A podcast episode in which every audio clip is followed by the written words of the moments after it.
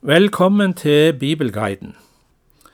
I vår lesing av profeten Jesaja er vi nå kommet fram til kapittel 59 og er inne i avslutningen av boka. Det som særpreger disse siste kapitlene, er at vi leser profetier og utsagn som klarere og klarere forutsier og beskriver den kommende frelse som skal omfatte hele verden. Nå er det ikke bare utfrielse og frelse fra det babylonske fangenskap som gjelder, nå gjelder det at Herrens frelsende gjerning fører til at folk ifra øst og vest og fjerne øyer og kyster skal frykte Herren. I kapittel 58 og i dagens kapittel 59 så anklager folket Gud for å være svak, at han ikke hører deres bønner, og at han har glemt de, og at han ikke handler. Men denne anklagen blir avvist, og profeten sier i klartekst at det er folkets uoppgjorte synder som skjuler Gud, og tildekker hans ører så bønnene ikke når fram, og igjen får vi en beskrivelse av synden og dens følger. Det kan være interessant å merke seg at Paulus bruker sitat fra denne teksten i Romerbrevet når han skal beskrive hvordan mennesket er ødelagt av synd. Vi leser nå profeten Jesaja kapittel 59 og vers 1 til 6.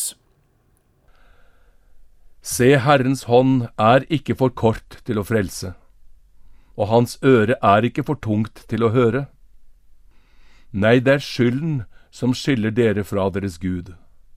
Syndene deres skjuler ansiktet hans, så han ikke hører dere. For hendene deres er tilsølt av blod og fingrene av skyld.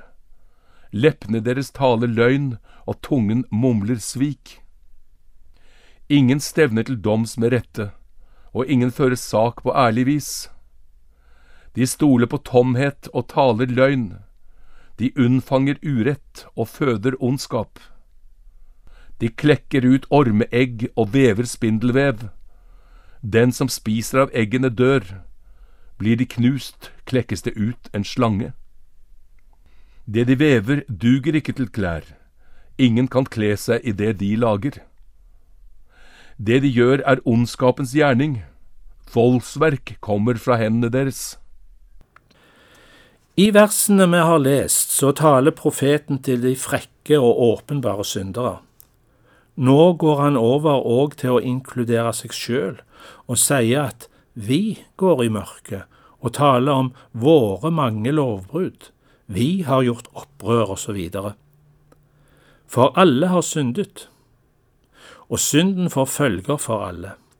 Men viktigst med denne endringen i andre person flertall til første person er å vise at det er noen som vender om og bekjenner sine synder.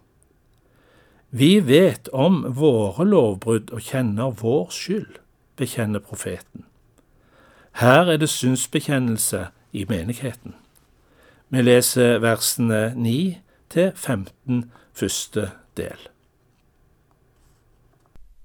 Føttene deres løper etter ondskap, de er raske til å utøse uskyldig blod.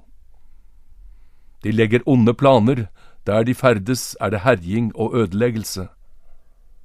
Fredens vei kjenner de ikke. Det finnes ingen rett i fotsporene deres. De lager seg krokveier, den som går der, kjenner ikke fred. Derfor er retten langt borte fra oss. Rettferdighet når oss ikke. Vi håper på lys, men se, det er natt. På lysglans, men vi går i mørket. Vi famler langs veggen som blinde, famler som om vi var uten øyne. Vi snubler midt på dagen som om det var skumring, midt i livet er vi som døde. Vi brummer alle som bjørner, vi klynker som duer, vi håper på rett, men den finnes ikke på frelse, men den er langt fra oss. Våre mange lovbrudd er foran deg, våre synder vitner mot oss. For vi vet om våre lovbrudd, og vi kjenner vår skyld. Vi har gjort opprør og fornektet Herren, snudd oss bort fra vår Gud, talt om undertrykkelse og frafall, og brummet løgnaktige ord som vi unnfanget i hjertet. Retten er drevet tilbake. Rettferdigheten står langt borte. For sannheten har snublet på torget, og det som er rett, kommer ingen vei. Sannheten er borte. Den som vender seg fra det onde, blir plyndret. Hva er så løsningen på denne situasjonen som synden har ført til? Det finnes ingen som er i stand til å hjelpe. Jo, Herren sjøl griper inn. Han kler seg i rustning og tar opp kampen mot synden og kjemper for å frelse folket og for å gi rettferd. Dette er kjente ord òg i Det nye testamentet i Galaterbrevet 4. Løftet er at en som løser ut Sion, skal komme. Det resulterer i at Herrens ånd skal være over folket, og Guds ord skal huskes og etterleves i generasjon etter generasjon.